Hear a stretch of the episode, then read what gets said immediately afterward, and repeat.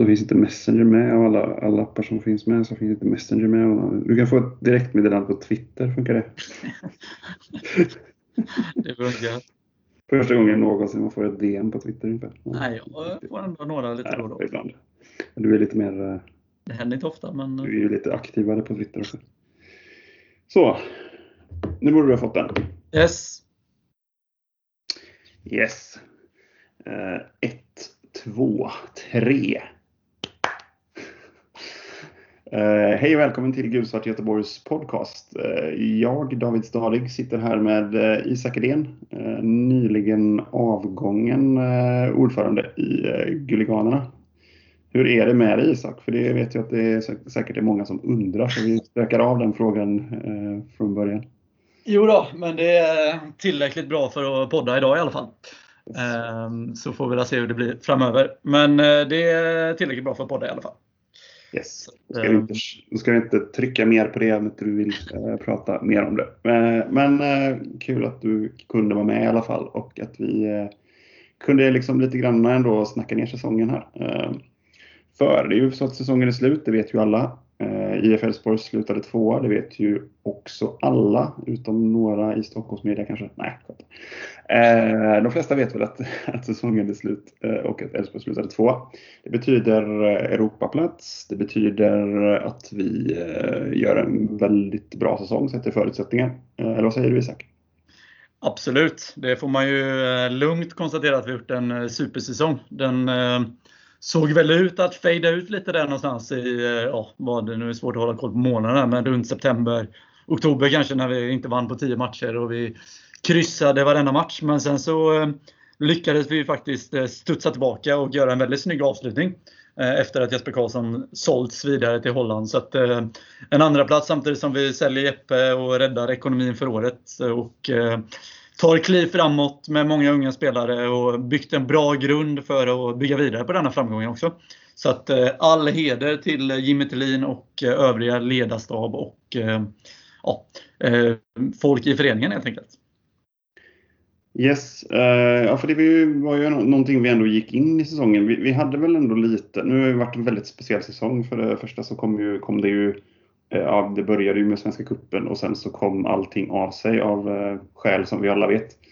Men eh, sen när den väl säsongen gick igång så hade vi väl ändå det är klart att det fanns osäkerhet kring alla lag, men man hade ändå en känsla av att Elfsborg hade någonting på gång redan under hösten förra året. För vi gjorde ju en ganska bra avslutning på serien. Och sen så tycker jag ändå att okej, okay, vi hade den här plumpen i var det, tredje kuppmatchen, eller andra kuppmatchen. Andra. Det var upp till tredje eh, borta mot Oskarshamn. Men annars liksom, såg det ju väldigt, väldigt, alltså försäsongen spelade vi ju grym fotboll. Eh, vill jag minnas i alla fall, eh, perioder. Och sen så eh, hade vi eh, en plump i kuppen och så såg det ganska bra ut de andra två kuppmatcherna. Eh, även om det var lite trögt att få in bollen mot ÖSK var det väl där i sista, sista grupp, gruppfinalen så att säga. Mm. Men när säsongen väl kom igång så kom ju verkligen Elfsborg igång direkt och eh, lyckades eh, hänga med i toppen egentligen från start. Eh, vad tror du det beror på Isak, att vi fick sån skjuts in i säsongen även om det var en konstig säsong? Men det, jag tycker du är lite inne på det där. Alltså, vi såg ju redan det egentligen ja, men från ja, förra hösten där när vi eh, ja, egentligen från efter Kalmarvinsten där som Marocko rullar in 2-1 på stopptid. Där det kändes som att eh, väldigt mycket tyngd eh, lyfte från axlarna och vi började, ja, och Sivert kom in och stabiliserade mittfältet och vi fick en väldigt bra balans i hela laget. Eh, och gjorde en väldigt stark höst. Och sen eh, när det blev som det blev med hela Kevin-grejen också, att vi kände som att ja, men det var ju en maktkamp får man ju lov att erkänna mellan Thelin framförallt och Kevin. Som ja, Thelin uppenbarligen vann. Och där kändes det väl som att föreningen verkligen tog ett avstamp och verkligen, ja, men så här, nu, nu kör vi på detta och nu är det det här spåret som gäller till 100%. Eh, och det finns inget att tvivla på överhuvudtaget. Eh, vilket många, inklusive i den här podden, inklusive mig och många andra, att det var, lite, det var ju väldigt skakigt där framförallt sommaren och även lite under hösten. Men sen så eh, tycker jag vi har byggt, gjort rätt och sen eh, får man också komma ihåg att vi, vi har egentligen satt ja, i princip varenda nyförvärv de senaste tre fönstren med några få undantag. Och det har ju verkligen också spelat in att vi har byggt den här stabiliteten och fått in spelare som kan leverera och som passar i Thelins bygge. Alltså Rasmus Alm kom in förra sommaren som vi inte egentligen pratar så jättemycket om men som ja, har gjort en fantastisk säsong. Startat i princip, jag tror han har startat varenda match. Ehm, och borde gjort ännu mer än sina nio mål som han gjorde, eller tio. Ehm, och Sivert har vi nämnt och, och så vidare. och så vidare. Så det är väl många, många delar och sen framförallt att Johan Larsson kom hem i vinter också har gjort fantastiskt mycket. Ehm, jag tycker det har varit Allsvenskans kanske bästa spelare. Framförallt Allsvenskans viktigaste spelare. Mm. Så att, det är väl många delar som gjort att vi verkligen studsar tillbaka och är på rätt köl igen. Alla drar åt samma håll och ja, det ser, ser bra ut även i framtiden. Yes. Jag tycker man, man delar upp säsongen lite grann i, i, i tre delar så, där, så tycker jag att liksom första delen av säsongen så kanske vi, alltså vi hade ett snabbt ganska vägvinnande omställningsspel, eh, definitivt. Men vi hade framförallt en väldig stabilitet bakåt. Det var ju den som var någonstans grunden. Och det, blev lite, det var lite otippat för vi hade ju liksom, Okomo visste vi ju, eh, klass absolut. Väisänen kändes ju lovande redan på försäsongen. Eh, men så bra som han var under våren är ju liksom, och han var ju egentligen bra hela säsongen fram till, fram till skada såklart. Eh, men just liksom en extremt stark def defensiv trots att vi ändå klarade av att gå med mer egentligen i offensiven under säsongen. Så vi började ganska stabilt, började stabilt defensivt och Como glänste ju väldigt mycket i början, framförallt mot lite tyngre lag när han gick in och dominerade fullständigt. Sen hade han ju lite strul med passningsspelet ibland, men man såg ju verkligen att han räddade upp oss väldigt många gånger ihop med, och att också var väldigt stark. Sen hade vi också en som var lite utropstecken under våren framförallt var väl Holst också som eh, man väl inte var sådär jättesäker på skulle vara en spelare som, som gick in och, och, gjorde det jobbet som han gjorde. Men han var ju fantastisk som defensiv mittfältare med mycket löpkapacitet. Framförallt eh, första halvan säsongen. Även I andra halvan så, så blev det ju Sivert lite grann som tog över en del av den rollen även om eh, Holst spelade en hel del också. Så det tycker jag var något jag tog med mig under, under första, första under vårsäsongen. För vi hade extremt stark defensiv, starkare defensiv än jag har sett Elfsborg ha sen, ja, vad skulle det kunna vara, 2008 någonting där när vi släppte in så fruktansvärt lite mål. Och var med i guldstriden hela vägen. Uh, även 2012 såklart var vi stabila defensivt. Ja, det här är lite som du är inne på. Alltså, om man tar backlinjen, eh, alltså både Johan Larsson, Komo och eh, Väisänen. Sen ja, kanske Cable och Strand är väl lite sämre kvalitet kanske. Men, eh, och plus Tim Rönning har ju varit bland de absolut bästa på sina positioner i Allsvenskan. Eh, alla fyra.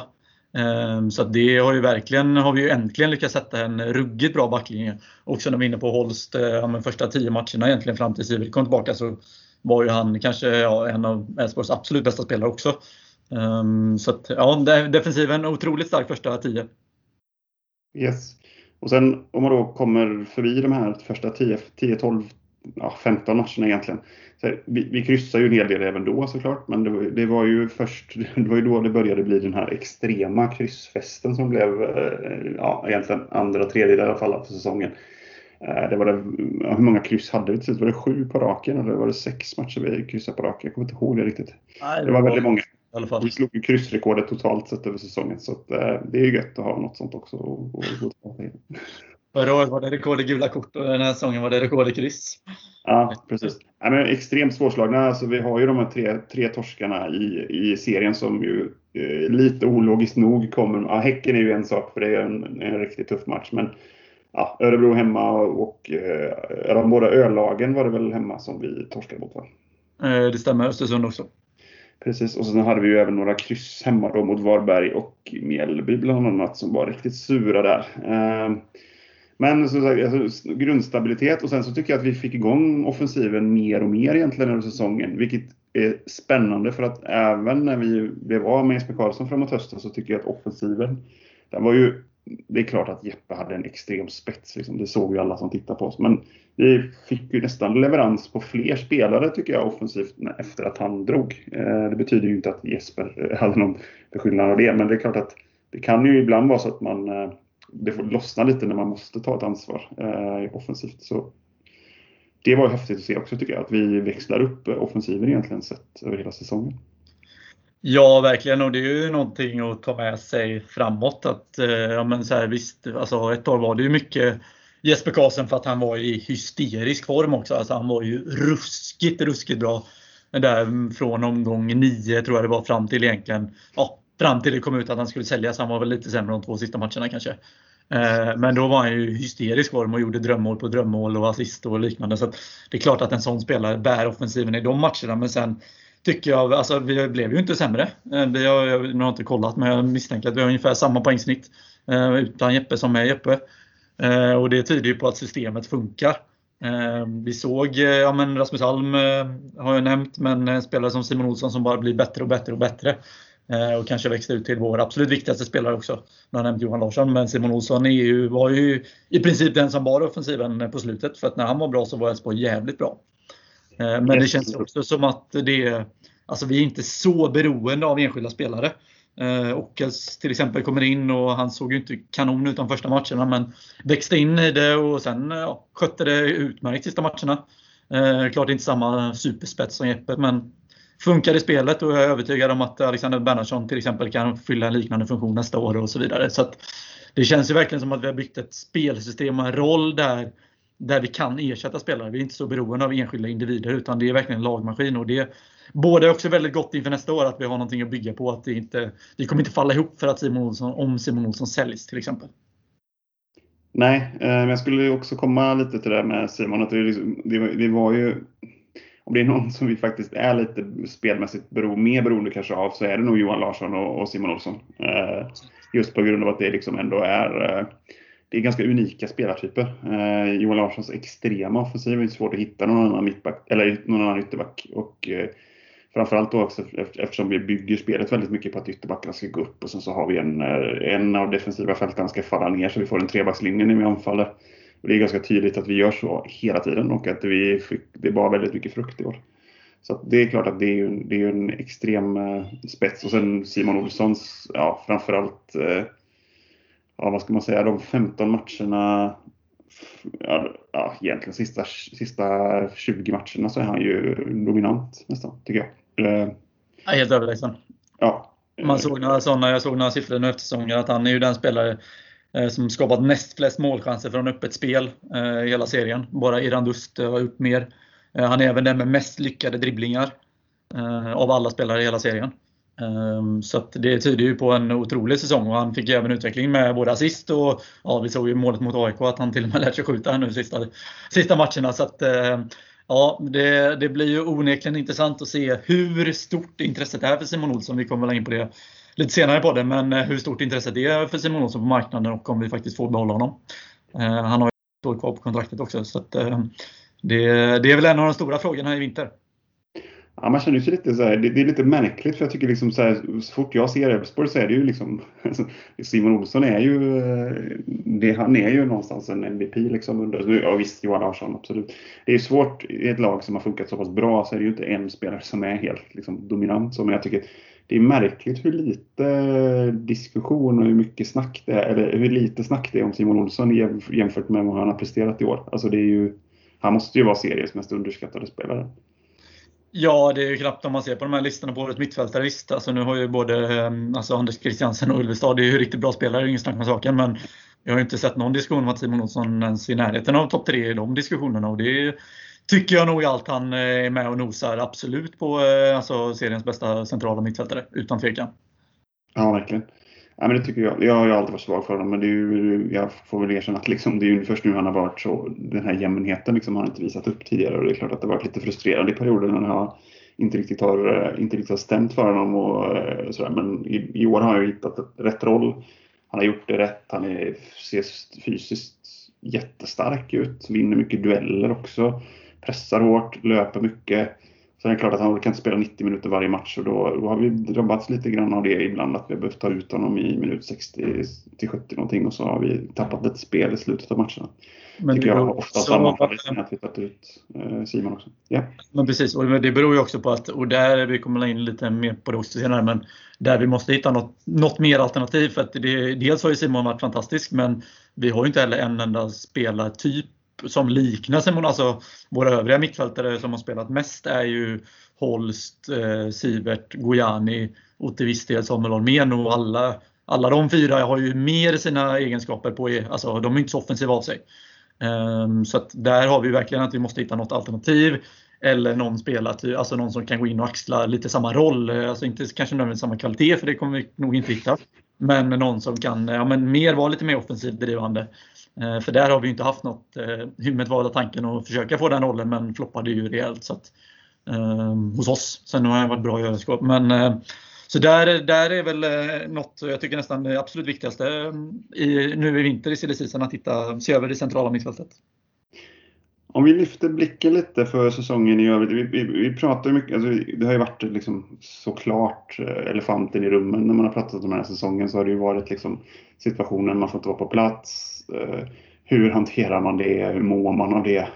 Eh, det har ju varit något vi har tagit upp egentligen i varenda podd också så folk vet väl lite hur vi känner. Men så här med lite ändå, nu är det perspektiv med en vecka men ändå liksom. Um, hur känner vi inför den här säsongen? Det är ju många som liksom vill typ sätta en asterisk runt hela säsongen och känner att ja, men det är 30 träningsmatcher och brukar ju också hänga ihop med att de håller på lag som har gått dåligt. Eh, men, och det är klart att vi har väl lite motsatt då, att vi tycker kanske att ja, det är klart att det är skittråkigt att man inte kunnat vara på plats och det är liksom nästan en, en, ett sting, sting i hjärtat liksom att man inte kunnat följa det här på plats. Men samtidigt så kan jag känna att det är ju märkligt ja, jag vet inte, vad, vad säger vi om liksom hela, hela situationen? Alltså det är väl klart att det, ja, det är svårt att sätta ord på det riktigt, men det är klart att alltså, så här, det är givetvis inte samma sak som att inte vara på plats. Det tror jag alla fattar och alla tycker. Eh, sen är det klart att jag, alltså det är klart att den här säsongen, framförallt så som den utspelade, det är klart att det har ändå varit bättre att det har spelats matcher än att hela säsongen är inställd. Alltså det får, får man ändå, tycker i alla fall jag nu så här i efterhand också, att det är klart att säsongen skulle dra igång nu får man ändå tycka och framförallt eftersom det, vi dessutom, eller Allsvenskan dessutom hanterat Corona på ett ganska bra sätt. Det har varit väldigt lite fall och ja, det har varit några uppmärksammade grejer. Men det, vi har ändå, alltså det har inte varit någon större smittspridning och så här. Om man jämför med hockeyn till exempel så är det ju kaos där. Liksom. Eh, men sen det är klart att för egen del så man, alltså det blir ju väldigt mycket mindre känslor över det. Det är väldigt mycket lättare att skaka av sig en förlust och Eh, framförallt tycker jag nästan det har varit ännu svårare. Alltså det har varit, man har nästan varit mer bitter och sur över förluster eller bittra kryss än vad man varit glad efter en seger. För det har man mest såhär, ja, kul att vi vann ett tag. Liksom. Eh, och sen så har det gått över ganska snabbt just för att man inte har varit på plats och kunnat skapa sig de här extra känslorna eller den här extra närheten eller måljublet till exempel. Um, så det är klart att det, varit, det är klart att inte, alltså det hade varit roligare att komma tvåa om man varit på plats och betydligt mycket mer känslor och något man kan berätta om eh, längre. längre sådär för man har ingenting att hänga upp det på. Mm. Uh, det som varit det absolut största problemet tycker jag. Sen uh, som sagt, jag tycker ändå, jag tycker ändå så som det blivit så har det ändå varit okej. Jag tycker ändå att Svenskan skött sig bra. Och jag tycker man har gjort det på rätt sätt. Ja, och jag tycker liksom att det blir lite konstigt om man... Det är klart att alla är medvetna om att det är en helt annan typ av liksom, säsong. Men det är ju samtidigt lite märkligt om man har i åsikten att en, att en, att en fotbollsspelare bara kan prestera när, när det är publik på plats. Eller där, man har hört massa sådana här liksom att ja, men det, det här missgynnar bara storlagen jättemycket och sådär. Och så det, ja visst, det kanske det gör delvis men samtidigt så är det ju, det är ju inget det är inte så att de inte, de här spelarna som har kommit upp har ju trots allt spelat ungdomsfotboll en gång i tiden. Då var det inte massa folk på plats. Alltså de har spelat, eh, de har spelat träningsmatcher, de har spelat eh, eh uttagningsmatcher och spelat alltså, upp till elitfotbollsnivån så har de inte haft någon publik mer eller mindre. Och de har ju fortfarande tagit sig dit de har. Så att det är ju lite tecken på någon form av svagt psyke också att inte klara av att, eh, att det bara är yttre stimuli någonstans som liksom gör att man presterar. Det blir också lite märkligt för det är ju trots allt alltså, Okej, okay, vi, vet att, vi vet alla att fotboll inte är vilket jobb som helst men det är ju fortfarande, det är ju fortfarande ett jobb liksom och du måste ju och kan du inte prestera när det inte är 25 000 på plats så kanske du inte... Då, har, då, då kan du inte det och då är det en brist såklart. Ja, och också så här, alltså, alla visste ju om förutsättningarna och visst, alltså, hade det varit tre matcher utan publik så fine, då eh, kanske det. Men nu var det ändå 30, alltså en hel säsong. Det var ju samma förutsättningar för alla varenda match. Eh, och jag menar att inte lära sig det efter fem omgångar. Alltså, visst, det kanske är en liten omställning, men sen alltså efter några omgångar så måste man ju lära sig att spela utan publik. Och, det, och där tycker jag väl Jimmy sa det bra efter säsongen och Stefan också att så här, men Elfsborg har ju inte gnällt på någonting egentligen och visst, vi kan tyckas utifrån var lätt när man ligger två och allting har gått ganska bra. Men eh, det är klart att vi också haft saker att gnälla på. Men eh, man får fokusera på det man kan påverka och det har vi ju verkligen gjort. Eh, och sen är det klart att fan alla vill att det ska vara publik och givetvis påverka publiken. Alltså det, det, annars hade det varit jobbigt för en själv om man insåg att själv att man inte påverkar någonting. Man vill ju tro att man kan göra någon skillnad från läktaren också. Och det kan vi ju garanterat göra. Men nu, alltså en hel säsong utan publik, det är samma förutsättningar för alla. Så jag, jag, jag, jag tycker det är mest storstadsinnehåll att säga vad fan, de får också prestera liksom. Ja, precis. Och sen jag menar, kollar man internationellt så är det inte så att storlagen har chokat fullständigt bara för att det inte varit någon publik. Liksom. Alltså, nu finns det ekonomiska aspekter. Liksom, löser det liksom, alltså, om de kan lösa det så varför skulle inte Djurgården... Ja, Djurgården gör ju också en helt okej okay säsong. Alltså visst, de hade väl kanske önskat vara bättre men topp 4 placering för Djurgården är ju ganska bra. Liksom. Eh, så mycket bättre än så är de ju inte egentligen. Eh, och jag menar, det är väl ja, att då Malle, Bayern, AIK och Blåvitt eh, floppar, det, ja, det beror nog på andra saker än att inte publiken var på plats. Precis, jag menar annars hade väl Juventus och eh, PSG och eh, ja, alla andra lag också liksom internationellt kollapsat liksom, på grund av detta. Och sen hade det varit någon, jag vet inte, brödgäng från eh, Bretagne som hade vunnit. Liksom. Men det, så är det ju inte, utan det handlar ju om, trots allt om vad man får ut av den kvalitet man har. Och där har ju, eh, jag menar, jag tror inte, det finns ingenting som tyder på att det skulle bli så himla mycket sämre om det hade varit publik på läktaren. Det tror jag inte. Från våran, eh, alltså våran placering. Eh, för vi gjorde väldigt mycket rätt sportligt, sportligt tycker jag. Och det har vi gjort några år nu, så det känns ju skönt. Det känns också liksom lite skönt att man någonstans, liksom, för man har ju ändå haft lite sådär, jag har ändå i flera år haft liksom känslan att det har varit liksom, det har hängt någon form av åskmoln lite grann över eh, regnmål då skulle man säga för att vara lite fyndig med över Elfsborg. Liksom. det, det har varit ganska mycket saker i klubben som har gått åt rätt håll, som har känts som att man har gjort rätt, tagit rätt beslut. Man har ja, kanske anställt rätt manager och liksom eh, sådär. Eh, vi, har gjort, eh, vi har gjort väldigt mycket rätt men inte riktigt fått ut det. Eh, och då känns det ju, och det tycker jag ändå att vi har också nämnt i podden ganska många gånger, att vi tycker att vi har liksom som klubb gjort väldigt mycket bra saker de senaste åren. Och då känns det ju jävligt gött att ha fått ett kvitto på att ja, men vi var nog inte så himla fel, fel ute i det. För att det har varit väldigt många som har varit extremt mycket liksom, olyckskorperi runt Elfsborg. Liksom. Det har varit väldigt, väldigt negativt mycket. Eh, egentligen fram till förra hösten kanske. Men även under vintern. Liksom, att det var många som, nej, Jimmy Thelin är, är inte bra och, och, det finns massa problem med laget och sådär. Jag tycker ändå att eh, man har fått lite ändå kvitto på att vi gjorde ganska mycket saker rätt, även för två år sedan kanske. Absolut. Eh, men sen det är klart det gäller att få med sig resultaten också. Alltså fram till förra hösten så var det ju, alltså var vi ju rent, alltså det hade ju poängsnitt på runt en poäng per match i princip. Så det är klart att resultaten inte var med oss och jag tycker väl att om man ska så här i efterhand vara lite efterklok så känns det väl som att vi, alltså vi har gjort väldigt mycket rätt samtidigt som det känns som att vi inte riktigt, riktigt vågade, vågade tro på det här projektet 100% hela vägen. Eh, alltså vi såg inför för, alltså 2019-säsongen, början där.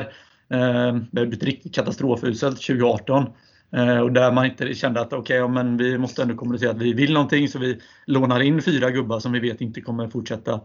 Eh, och där istället för att satsa på, alltså Simon Olsson kanske inte var redo, Rami kanske inte var redo och så vidare. Men det fanns, de fanns ju ändå i klubben och det känns som att vi vågade satsa på dem lite, lite för sent. Sen kanske inte de var redo för det nu, vad vet jag. Eh, men då kanske man skulle kommunicera det på ett lite bättre sätt. För där, där kändes det som att vi sköt oss själva lite i foten genom att kommunicera ut någonting som vi inte, som vi inte gjorde och liksom backade upp det med några lån som i slutändan inte fall alls väl ut. Även om ja, Gregersen var en bra spelare och Levi var en bra spelare och eh, Pavel var en bra spelare fram till han, eh, ja, hela den skandalen. Men det blev ju lite för många lån som gjorde att vi inte kan bygga på någonting. Nu har vi istället gjort en jävla kanonsäsong och kan bygga vidare på det. För visst, vi kan, nu säljer vi spelare kanske, men då får vi pengar och kan köpa in någon ersättare och så vidare. och Så vidare. Så vi har verkligen byggt en jävligt bra grund nu. Det är inte bara en säsong där vi flaxar till och så har vi, sitter vi på 7 33-åringar som inte kommer bli bättre. Utan nu har vi verkligen lagt en grund för att vara ett topplag även nästa och näst, nästa år. Och om vi bygger korten rätt framöver. Så där har vi gjort ett kanonjobb. Men eh, det enda lite så backspegeln att man kanske skulle varit lite tydligare, lite modigare och lite mer kommunikativ kring, kring själva satsningen så tror jag man har sluppit lite av den här blåsten som trots allt varit. Yes. Ehm, du tar ju oss lite in på det och det är Silly. Eh, nu är det ju liksom de tiderna och eh, svenska sillen har väl inte liksom, visst det hintas som alla möjliga saker och det är en del spelare som ska bort och det är en del som tvingas bort och det finns eh, Innan vi, innan vi går in på Silly David, har du någon annan ja. Eh, spelare eller så du vill eh, lyfta eller lagdel eller något annat? Jag tycker det är lite svårt, men alltså, för mig är ju Simon Olsson liksom, eh, och, och sen är det klart att eh, det är svårt att gå förbi Jeppe också. Liksom. Eh, med den explosionen han hade i mitten av serien, från, eller från, från ja, åttonde, nionde omgången någonting till, till han drog. Alltså, det var ju en fröjd att se. Liksom. Så jävligt synd att man inte kunde se det på plats såklart, men det var, det var riktigt häftigt att se. Eh, sen Eh, sen tycker jag ju det, det, är intressant för jag har ju varit så här under säsongen som så här, Johan Larsson är ju han är en fantastisk fotbollsspelare men jag har ju haft väldigt höga förväntningar på honom egentligen från start för jag tyckte att det här är ju kanonvärmning liksom. Och sen så har jag känt i matcher att han har svajat lite ändå. Det har varit defensivt lite sådär. Ah. Och sen så kommer man fram och så tittar man liksom poängutdelning och, och vad han faktiskt har presterat under det här. Det är ju liksom som att jag har förväntat mig att det skulle vara jag vet inte, eh, Roberto Carlos in his prime som kom liksom, till, till Borås. Eh, för att han har gjort det fantastiskt bra. Eh, så att, eh, jag, vet, jag tror jag gnällt lite på honom i podden också. Så det, det får man ju ta tillbaka lite grann. man har sett liksom, på poängproduktion och sådär. Sen har det inte varit klockrent allt han har gjort hela säsongen såklart. Men det är ju ingen som kan vara det. Nej, men jag, jag ska säga min, min, den som sticker ut mest för mig är ändå Simon Olsson tycker jag. För jag tycker han har gått från, han har gått från att vara lovande, spännande, fin att se till eh, landslagsmässig, tycker jag. Eh, sen är jag inte med i landslaget och det är ju tuff konkurrens just nu, men sen så finns det ju liksom eh, jag, tycker, jag tycker ändå det har varit väldigt häftigt att se. Sen, sen är Alltså det är många spelare som sticker ut med Frick också, vilken säsong han gör. Eh, också en, fråga, en spelare som har ifrågasatts en del innan och sådär. Eh, gör, ju, gör ju en pangsäsong verkligen eh, och är en riktig ledare på plan. Det är häftigt. Ja, verkligen. Det finns ju väldigt många att lyfta och Johan Larsson och Simon Olsson är ju definitivt två av dem. Men jag tänkte också, precis som du säger, Per Frick. Alltså, vi har ju egentligen inte haft en enda central anfallare förutom Per Frick för att eh, Marocko har ju tyvärr inte alls eh, levt upp till förväntningarna. Och, ja, Hymmet skeppade vi iväg till Örebro för att han var kass eh, och så vidare. Så att, där har vi inte haft någon backup överhuvudtaget och Per Frick har väl ja, i princip startat varenda match förutom ett par matcher i början. Eh, eller det var någon match, eh, ja, om två, tre typ som han inte startade. Eh, och han, eh, även om ja, gör 10 mål, visst eh, nu slår han tack vare straffarna kanske, men han bidrar otroligt mycket i spelet och även den här ledaregenskaperna som ja, Johan Larsson eh, också bidragit med. Alltså om man ser på de två, det är ju verkligen två eh, super alltså verkligen hela vägen in i hjärtat. Eh, och det märks ju så otroligt tydligt på plan men även utanför och i intervjuer att det är ju två verkligen som man ser upp till och som driver laget framåt i i helt rätt riktning. Så att båda de två förtjänar ju all heder och såklart Sivert Helten Nilsson som är lagkapten också med de ledaregenskaperna. Eh, så där har vi verkligen träffat rätt att vi har en grupp som drar åt samma håll och där väl man märker att väldigt många brinner för Elfsborg. Eh, och det ska man ju verkligen inte underskatta i dessa tider. Eh, så att, ja, det är väl det. Och sen, vi har inte nämnt han, men, eller nämna lite kort, men man får också lyfta Tim Rönning som Alltså kommer in eh, ändå ett litet frågetecken får man ändå lov att säga och det var osäkert vem som skulle ta första spaden efter Kevin. Eh, med tanke på att han har stått i ja, sju år i princip eh, varenda match och varit lagkapten och ansiktet utåt för Elfsborg. Och så går Tim Rönning som man visste var en lovande målvakt men ingen visste ju egentligen hur bra Tim Rönning var och han har ju ja, Allsvenskans absolut bästa målvakter hela säsongen och knappt gjort ett misstag. Så att, Nej, otroligt moget spel av Tim Rönning och jag tycker också att han har utvecklats under säsongen som varit med ja, bättre spel med fötterna och lite sådana saker. Så att, nej, verkligen en väldigt, väldigt stark säsong av Tim Rönning och eh, väldigt bra jobb tillsammans med målvaktstränaren Linus. Eh, så det, det, finns många att lyfta men eh, det är väl de liksom.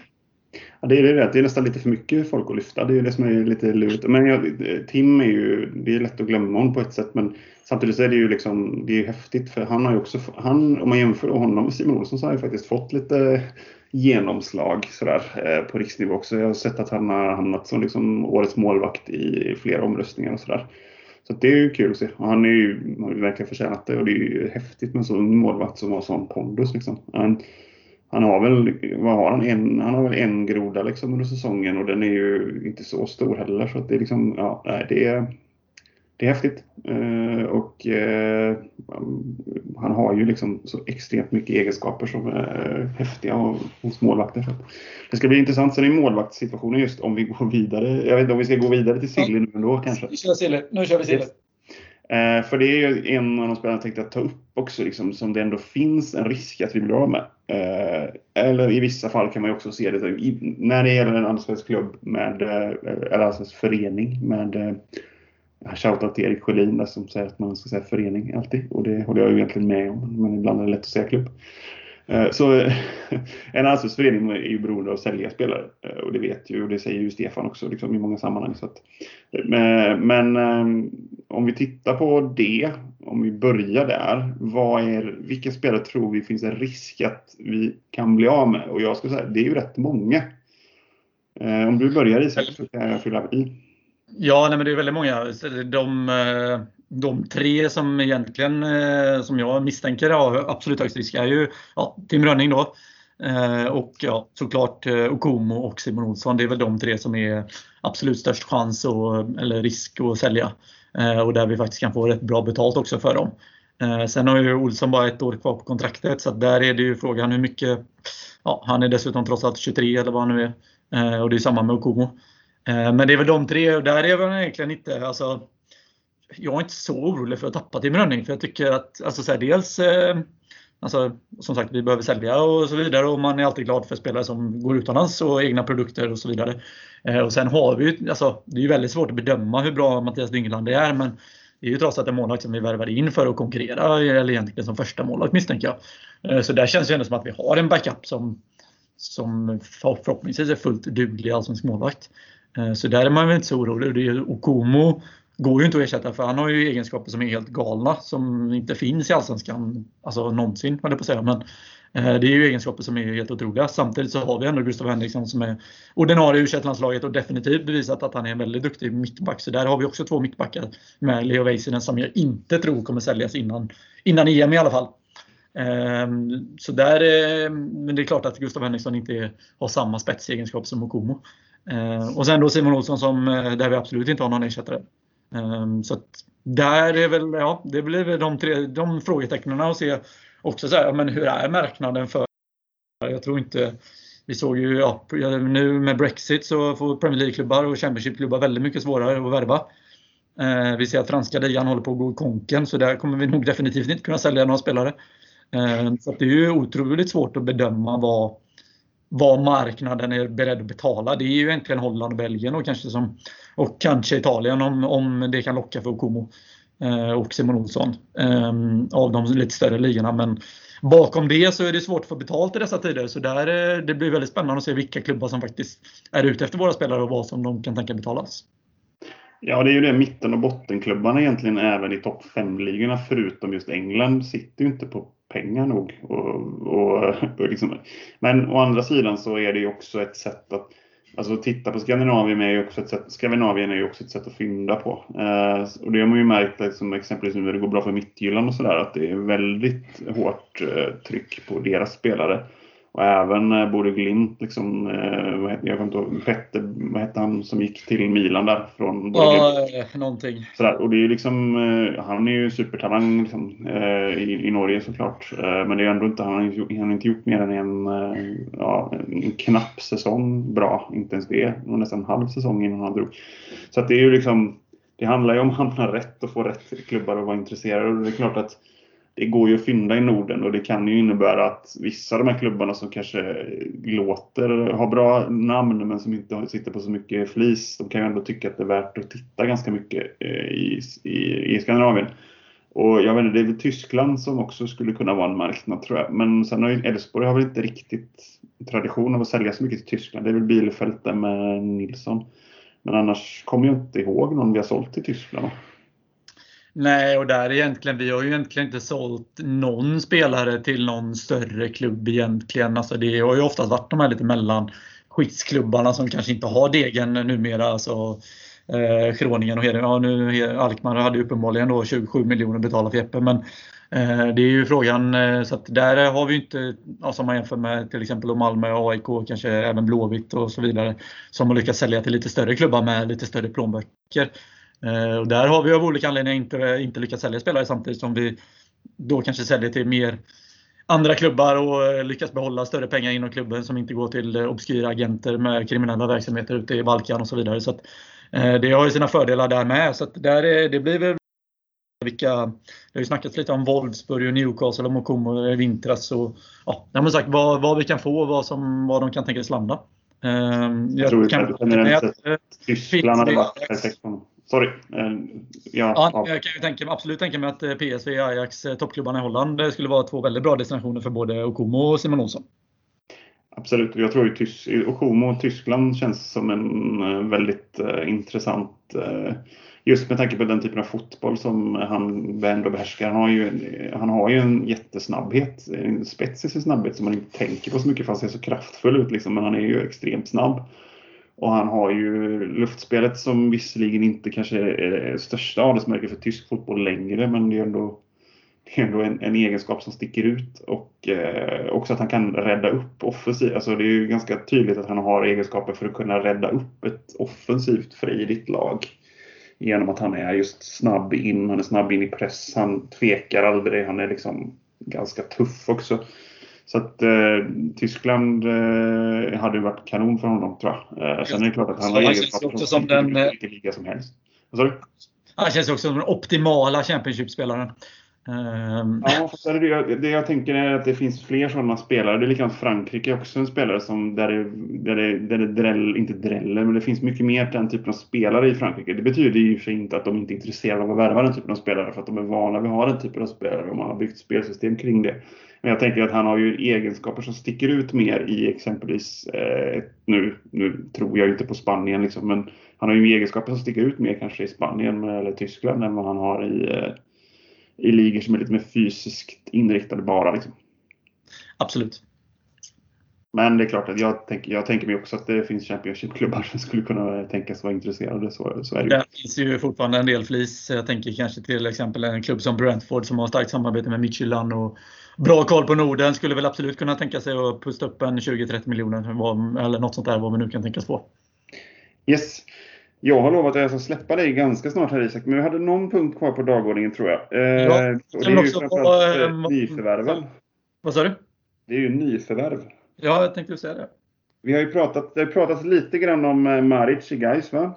Ja. Sen har det pratats om eh, Matthew från någon norsk klubb som jag har glömt av. Lilleström eller nej? Det var inte Lilleström. Eh, ja, jo det var det va? Det var kanske något sånt. Det var, jo, men jag tror det var Lilleström. Eh, sant. De gulsvarta de är med. Men det, om, eh, det har ju snackats en del, men om vi bara kollar lite snabbt. Eh, det, alltså, vi har ju snackat mycket om försäljningar av Komo och Olsson. Men där, eh, om man kollar på nyförvärv så det stora frågetecknet är ju vad som händer med mittfältet. För vi vet att eh, Stefan Andreasson gick ut här nu och sa att Gojani förmodligen inte kommer förlänga. Eh, då han vill eh, testa på något utomlands. Ehm, och, så att han försvinner ju som hans kontrakt går ut. Rasmus Rosenqvist försvinner, det var också bekräftat. Ehm, visserligen inte spelat knappt en minut, men ändå en inmittfältare som har kontrakt. Ehm, vi vet att eh, ja, men Simon Olsson eh, har bara ett år kvar på kontraktet och förmodligen supereftertraktad utomlands. Holst har bara ett halvår kvar på kontraktet. Vad händer där? han verkar vilja längta hem samtidigt som att han kan nu med tanke på vad som händer att vi kanske kan förlänga ett år och sådär så att han är med i hela Europaspelet och så vidare. Eh, sen är ju också vad händer med Samuel Holmén? Eh, ett år kvar på kontraktet. Vart spelat ytterst lite i år. Är han sugen på ett år till? Eh, jag har ingen aning. Jag spekulerar vilt. Och sen också Dennis Ymmet som eh, ja, gjort succé i Örebro men eh, tog fiasko i, eh, innan. Och, ja, verkar ju inte vara den smartaste spelaren heller och verkar inte heller som att han vill. Alltså, han känns ju inte heller som att han brinner för Elfsborg på det sättet.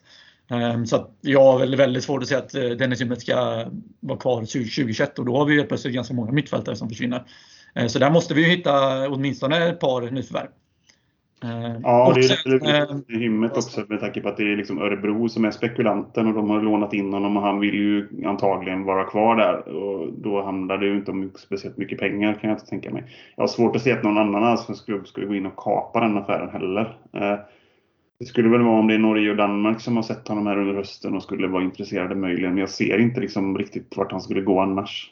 Sen har han ju turkiskt pass så eh, det, kan, det är ju alltid intressant för klubbar i Turkiet. Ja, det, det är ju sant. Uh, yes, uh, i övrigt så har det väl pratats lite om uh, Seidan i J Södra det fanns lite rykten om Sabovic i somras, men han är ju kanske en hylla upp nu. Eh, kan jag nästan känna ekonomiskt, för det är nog en rätt dyr affär att lösa. Va? Eh, men sen vet jag inte, alltså, har vi någon annan, liksom Falkenberg åkte ur, eh, Helsingborg åkte ur. Är det någonting där som är intressant? Alltså det är ju lite, eh, vi diskuterar ju med klubbekonomi utomlands och sådär, men det är också lite vad, alltså vilken dels ja, men, eh, plånbok vi har att värva för, men också vilken attraktionskraft vi har. Alltså vi ser ju Alltså nu tror jag absolut inte det kommer hända, men en spelare som Najib Besara vore ju den perfekta ersättaren till Simon Olsson och hans kontrakt går ut. Så att, alltså, hade det varit 20, 2010 så hade väl det varit en ganska lockande värvning. Men sagt, jag vet inte vad, vad vi har för attraktionskraft. Alltså Elias Andersson gick till Djurgården och där borde vi absolut varit med och huggt till exempel. Ehm, och ja, Selmani och ha, alltså, sådana spelare. Jag vet inte vad vi har för attraktionskraft och det blir ju väldigt spännande att se. Sen tror jag att vi kommer landa kanske mer mot nyförvärv från Superettan. Alltså de du har nämnt här, Maric, Zeidan, eh, Alamari och, och så den typen av spelare som, som har varit väldigt lyckosamma med också, det ska vi absolut säga. Alltså både, ja, Rasmus Alm är väl det prime-exemplet. Um, ehm, så det blir intressant att se, men eh, jag tror ju definitivt att vi kommer värva ett par innermittfältare. Yes, nej men det är ju klart att det påverkar ju såklart vad, vi, vad som går ut. Liksom, nu vet vi ju att Gojani och Rosenqvist försvinner så någonting centralt eh, lär väl hända. Nu har vi några lärlingar som ska upp och sådär också men jag tror inte att det är riktigt aktuellt att eh, låta dem spela ordinarie nästa år direkt. Men eh, i övrigt Isak, du sa att du hade en fråga från Twitter också? Eller? Ja, men jag tänkte bara innan vi tar det silly också där, bara snabbt. Det som innermittfältare var inne på, sen måste vi ju faktiskt hitta en central anfallare också. Eh, som kan konkurrera med Per Frick. Eh, för tyvärr är ju inte Marocko den spelaren som vi alla har hoppats på. Eh, han kanske kan bli, men jag tror han skulle må bra att spela ordinarie någonstans nästa år och det kommer han absolut inte få göra i Elfsborg. Så där behöver vi verkligen hitta en ersättare också. Ja, men det ryktades ju lite om den här isländska mitt u landslagsbacken från ja, någon isländsk klubb. Och det är väl också en position vi bör försöka hitta en långsiktig ersättare till både Okomo och Väisänen som förmodligen försvinner och kanske i sommar. Ehm, så det är väl två andra positioner som jag tycker vi borde, borde försöka ersätta till ehm, för att spetsa truppen till nästa år. Yes, och sen tror jag, att, sett till hur Elfsborg brukar operera så kommer det ju en ytter också. Ehm, vi gillar yttrar. Så det är liksom, det, det, och det är kanske också rimligt numerärt liksom, att det kommer in en ytter och lite mer, med, med lite mer spets också liksom, som kan konkurrera lite med både Ockels och Alm eh, och rotera där lite. Så att det låter också rimligt även om vi har några eh, lärlingar som kommer upp också. Yeah. Gott! Jag har två Twitterfrågor. Eh, den ena har vi redan eh, gått igenom, men eh, vi kan ta den här. Vem av Gojani och Holt ska vi förlänga kontraktet med? Där har vi, ja, Gojani kommer vi inte förlänga med förmodligen. Och varför, det, varför ska vi förlänga med Fredrik Holst, David? Eller ty, tycker du vi ska förlänga med Fredrik Holst? Eh, ja, jag tycker nog det ändå. Lojal spelare, ändå inte så himla hög ålder på honom heller. Eh, bra lungor. Skulle nog kunna acceptera att vara en del av ett truppbygge om vi nu går för en topplacering även nästa år. Jag, alltså jag tycker det ändå känns eh, rimligt om Gojani försvinner att vi, att vi försöker att testa med Holst och sen så får det väl vara en, en rimlig peng såklart. Men, men jag tror att eh, jag hade nog, jag hade nog försökt att behålla honom faktiskt. Mm. Eh, jag tycker också vi eh, nog faktiskt ska försöka förlänga ett år eller två. Inget superlångt kontrakt men eh, definitivt. Jag hade lätt kunnat säga att vi förlänger ett och ett halvt år så att han har två års kontrakt totalt sett. Bra ersättare till Sivert också när han är skadad och så vidare. Andra frågan här från Andreas. Varför vinner vi Conference League nästa år? Och var går drömresan i första kvalomgången? Men om vi, om, hur, vad, vad borde vara vår målsättning för Conference League nästa år? Fan, det är ju jättesvårt alltså. Eh, Vad tycker du? Ingen rankingpoäng överhuvudtaget. Men å andra sidan så vet man inte hur rankingpoängen fungerar i turneringen än. Eh, väl. Det kom ut något på Uefa-ranken. Jag har faktiskt inte kollat så mycket på det. Jag var ju en sån där som verkligen satt och gjorde, gjorde hela jävla kalkylen när vi var ute i Europa senast. Jag har inte kommit in i det än riktigt. Så det kommer ju bli det. Under vintern så kommer ni ju få, alltså ni som sitter i mina chattrådar kommer ju att få bli helt totalt sönderspammade av eh, koefficientpoäng och, och eh, albanska ligaledare liksom. Eh, så är det ju. Så det är bara att stålsätta sig. Men eh, annars, eh, ja, alltså drömresa. Nu är det ju det är väl regional lottning som jag förstått det första rundan, två rundorna till och med. Vi går in i andra rundan och eh, kommer vara osidade hela vägen. Just det. Men första, första gruppen, jag tror också att det är någon form av regional sidning där. Så att jag tänker mig att vi hamnar väl på Irland som vanligt. Nej, jag skulle nog, vi hamnar säkert Eller, mot eh, Danmark. Lettland, Danmark, Irland. Ja. Gissning. Och av dem väljer man kanske Lettland då? Eller? Allt utom Danmark är jag sugen på. Ja. Irland är ju inte dumt heller, men det är en ganska dyr resa. Så. Eh, men eh, det, ja, vi får se. Men sen är det också den här covid-grejen som är lite, ja, det ligger i bakhuvudet ändå att man inte kanske planerar resor till nästa år än.